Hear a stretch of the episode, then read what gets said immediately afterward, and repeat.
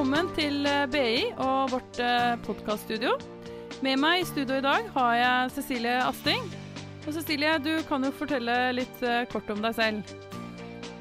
Ja, takk for at jeg får komme, får jeg vel si først. Hyggelig å få lov til å være her.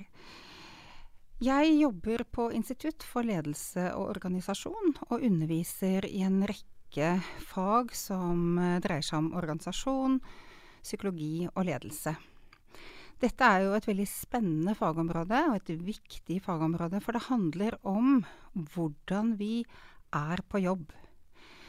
Så i, i dette fagområdet, eller i disse fagene og kursene, så snakker vi jo ikke om tall eller statistikk eh, som sådan. Man kan vise til, selvfølgelig til forskning hvor man viser til hva som virker og ikke virker. Men vi er opptatt av menneskene på arbeidsplassen. Ja, det her høres jo ut som et veldig spennende fagområde, og det er jo mye vi kunne snakket om. Men i dag så skal vi ta for oss eh, temaet selvledelse, Cecilie. Og selvledelse, kan du bare si litt sånn kort hva det handler om? Det, er, en nyere teori som eh, ikke er så relevant i alle organisasjoner. Men eh, der hvor eh, medarbeiderne da har ganske selvstendige oppgaver, og hvor ledere klarer å gi fra seg makt, og vi har høyt kompetente medarbeidere, så kan det være en form for ledelse som kan praktiseres. Og da kan det jo være sånn at du fjerner, eller i hvert fall delvis tar bort, det som vi vanligvis forbinder med ledelse. Mm. Og hva, hva, hva, forbinder du med ledelse? I ledelse, Jeg forbinder jo i hvert fall at det er noen som på en måte bestemmer noe som jeg kanskje kan være enig eller uenig i, men i hvert fall at det er noen andre som bestemmer hva jeg skal utføre av oppgaver, eller eh, Ja. Tenker egentlig det. At jeg ser liksom for meg litt sånn mer militære, jeg, ja, da.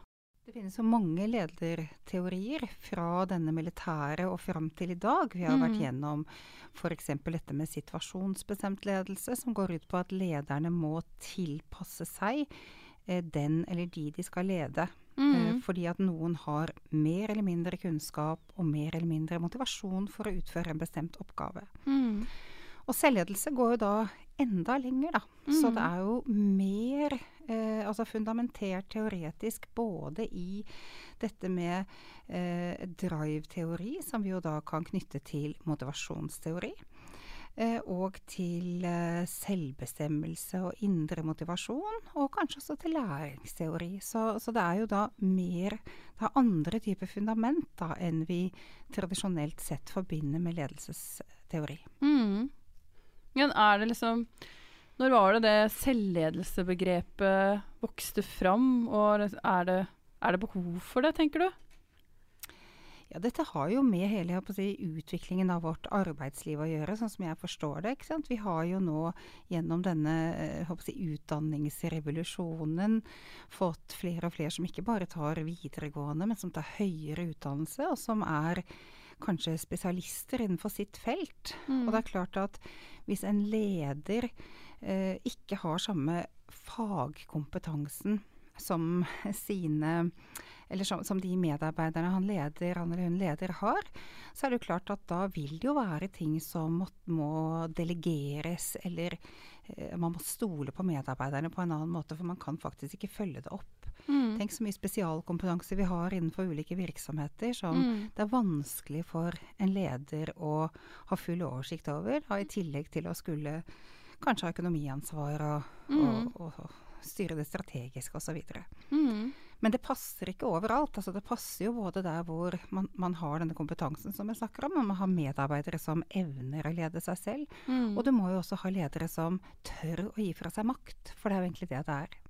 Mm. Men når du sier det liksom, eh, at du må ha medarbeidere som evner å lede seg selv, eh, hva ligger i det, på en måte? I det kan det jo ligge at du klarer å sette mål selv, da. At du klarer å motivere deg selv. At du klarer å eh, si, vite når det du leverer er bra nok, f.eks. Så, mm. så du må jo på en måte ta lederen og flytte inn i hodet ditt. Mm. Og, la, og, og, og, kunne vurdere deg selv kanskje litt mer utenfra. Mm. Det er jo noe vi ser um, på skolen også. Hvordan egenvurdering blir viktigere og viktigere. Ja. Selv helt ned i grunnskolen. Mm. Henger det sammen med det selvledelsebegrepet? holdt jeg på å si, eller det Det vet jeg jo ikke, men, eh, men det kan jo se ut som eh, skolen i dag gjør mer for å lære opp eh, elevene til å kunne mene noe om sin egen prestasjon. Da. Mm. Mm.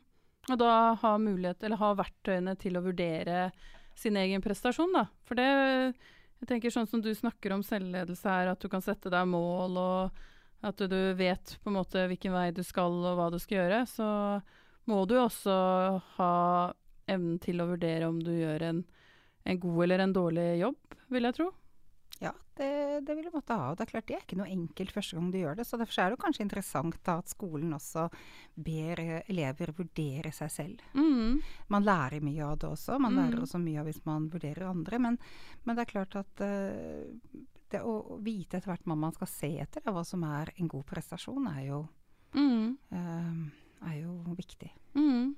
Men jeg tenker en av utfordringene kan jo være at liksom Selv om du har sterk grad av autonomi og du er god på å lede deg selv, eh, så hvordan forsikrer man seg om at eh, det er i tråd med det organisasjonen vil? For det, du kan jo ha mange kompetente og gode medarbeidere, men eh, hvordan Det er ikke sikkert at alle drar i samme retning for det, da. Det er slett ikke sikkert, og jeg vet nesten ikke hvordan du skal si, forhindre det. Altså, da er du inne på noe som vi kaller for Uh, målforskyvning. At du kan, Mm. at du, du kan ha helt din egen agenda da, i forhold til det organisasjonen har. Så det er klart dette er et problem. Men det behøver ikke nødvendigvis alltid å henge sammen bare med selvledelse. Nei. Um, men, eh, men, men det er jo noe av det som er vanskelig, da, å få alle medarbeiderne i en organisasjon til å trekke i samme retning. Ja. Det kan være da egne interesser, det kan være eh, noen faggrupper som mener at eh, det man som ledelsen har valgt er feil vei å gå osv. Så, videre. så det kan, det kan ha mange grunner til det, da. Mm. Men, eh, men når vi snakker om selvledelse, så snakker vi jo om et, to typer strategier. Og da snakker vi om atferdsstrategier, altså vil si strategier for hva du gjør, Mm. eh, og kognitive strategier. Eh, og det er jo strategier på, på hva du tenker, f.eks. Mm. Og det er jo da eh, ting man bør benytte seg av når man skal utvikle selvledelse, da. Mm.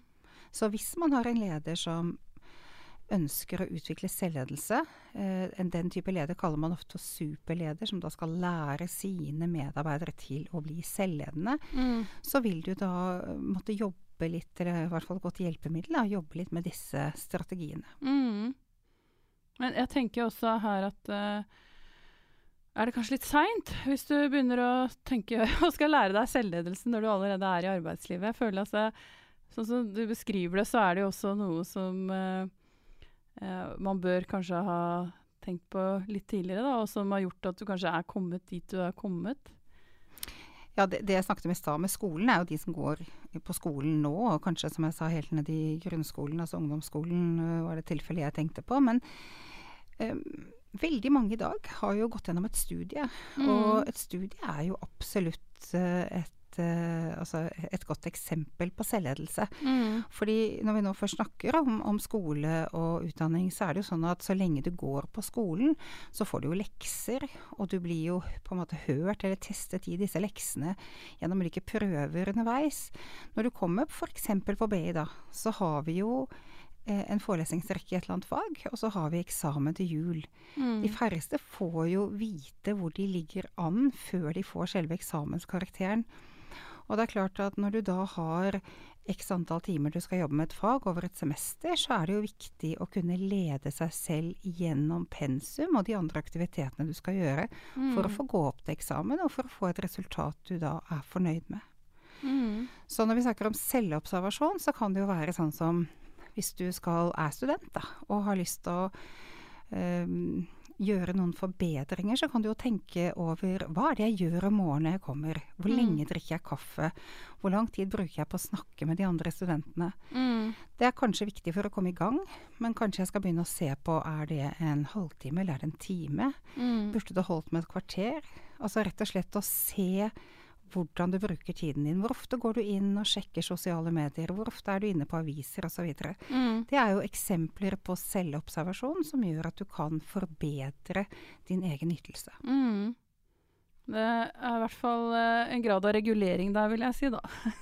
Det er det, men den må du gjøre selv. Ja. Og så må Ja. du sette deg et eller annet mål, Ja. kanskje for dagen, for uken, for måneden, eller Mm.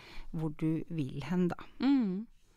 Eh, selvledelse kan det um, settes også i sammenheng med mental trening eller sånn mestringsstrategier. Det er jo blitt litt sånn vet ikke om det er noe buzzord akkurat, men eh, vi har jo, hvis man følger med litt på idretten i Norge, så har man jo fått med seg at alle nå De har jo ikke bare en fysisk trener, de har også en mental trener. Er, det, er liksom dette noen begreper som kan ses i relasjon med hverandre? Absolutt. For det er jo da denne an, altså disse andre strategiene. Vi snakket jo nå om atferdsstrategiene, Mm. men dette er de kognitive strategiene. Hvor du da skal tro at du kan, da. Tro flytter jo fell, ikke sant. Ja. Det er jo et gammelt ordtak. Eh, og du må se på, eller høre etter, hva er det du sier til deg selv? Det er veldig ofte noe som bare går og går, kanskje ut ifra hva noen har sagt om oss en gang, hva vi har tatt til oss, hvordan vi pleier å og, altså, tenker vi dette kommer til å gå, eller tenker vi dette kommer ikke til å gå, osv. Så, videre. så Så det er jo like viktig som disse, disse atferdsstrategiene, altså hva vi tenker. Mm. Og da må du også fokusere innover på, på, på tro og uh, antagelser osv. ikke sant. Så, og, og det krever jo at vi bruker fantasien vår og forestillingsevnen vår litt. Mm. Jeg tenker, Det krever jo også et eh, ganske høyt bevissthetsnivå, vil jeg tro. Det gjør det absolutt. Og så kan man jo da stille spørsmålstegn om hvor mye tenker vi i dag? Vi er jo alltid forstyrret av et eller annet, og det må jo kanskje være litt stille for at du skal høre hva du sier til deg selv. Mm. Og så er den automatisert, og så Mm. går den igjen og igjen. Og før du i det hele tatt kan gjøre noe med det, så må du bli bevisst over hva er det du sier. Mm. Og det kommer jo kanskje ofte fortere enn det du rekker å, å tenke. Ja, ikke sant. Det er på en måte det er automatisert. Ja. Så, så du må jobbe med det. Og dette er nok kanskje enda vanskeligere enn å jobbe med eh, atferden, enn å si at et kvarter får holde før jeg begynner å jobbe, eller så og så mange timer til jeg skal ha lunsj, eller så og så lenge hver dag. Mm. Det er jo mye lettere å sette opp enn Mm. å høre hva du Hva som er typisk å si til deg selv, hva du tenker. Mm. Ja, det er litt mer eh, utfordrende. Det er lettere å måle det andre.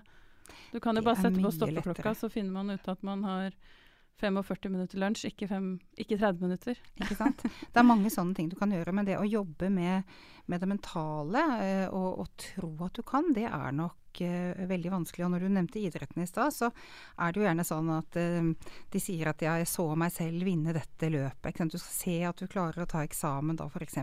Mm. Eh, og det å legge merke til med idrettsutøvere, er jo at de sier Altså, det kan være én bestemt distanse en dag fire år fram som de har bestemt seg for Ja. eh, akkurat den løypa, hvor de da vet Da skal jeg vinne. De, Mm. de jobber jo ikke sånn veldig generelt, og sånn, eh, sånn som jeg oppfatter det i hvert fall. Og sånn kan man jo tenke hvis man har et fag man syns er vanskelig, så kan man jo jobbe kanskje spesielt med det, da, hvis du har et et fag eller et fagområde hvor du vanligvis sier at nei, men skrivefag er ikke min sterke side, ikke sant. Mm. Som, som jo disse fagområdene ofte er. Det gjelder jo å skrive og uttrykke seg og, og drøfte osv. Så, videre. så så kan man jo begynne å tenke at ja, men dette her, dette kan jeg klare. Mm. Og, og, og vite eksamensdatoen og jobbe med det. Og se at du får det til. Ikke å si nei, men jeg får det ikke til. Nei. Og det er kanskje ganske vanlig at de fleste av oss gjør. Sier at ja, men akkurat det får ikke jeg til. Det kan jeg. Mm.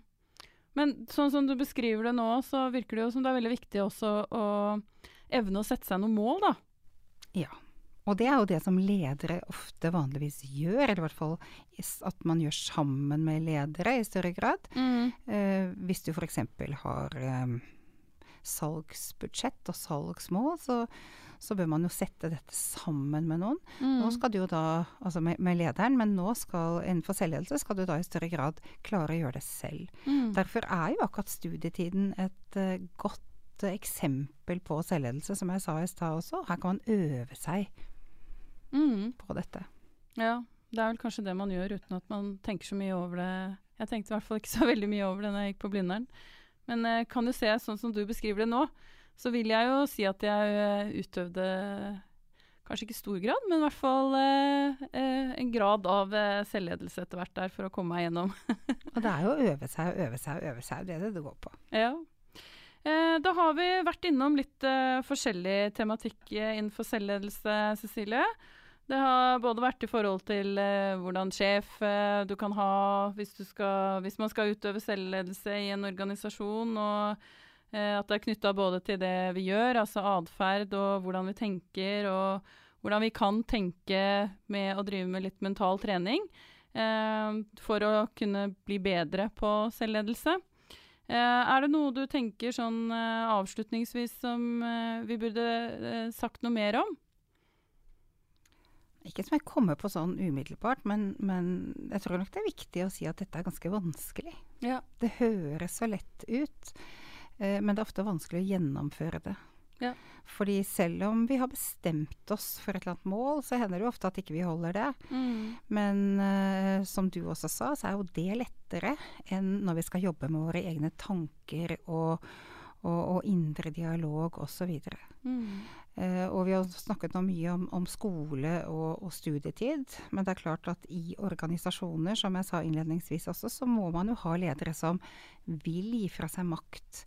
Så dette er jo da eh, det er flere faktorer her. Og det er jo ikke alle ledere som ønsker å gi fra seg makt. Så kan, man kan jo begynne å jobbe et sted og tenke at fordi man har en eller annen bestemt kompetanse, så skal man få lov til å lede seg selv. Og så kan det jo være helt omvendt, at du har en, en leder som ønsker kontroll, da. Mm. Så, så, dette er jo Det er mer enn bare den som skal lede seg selv. Det er jo mm. hele sammenhengen. Mm.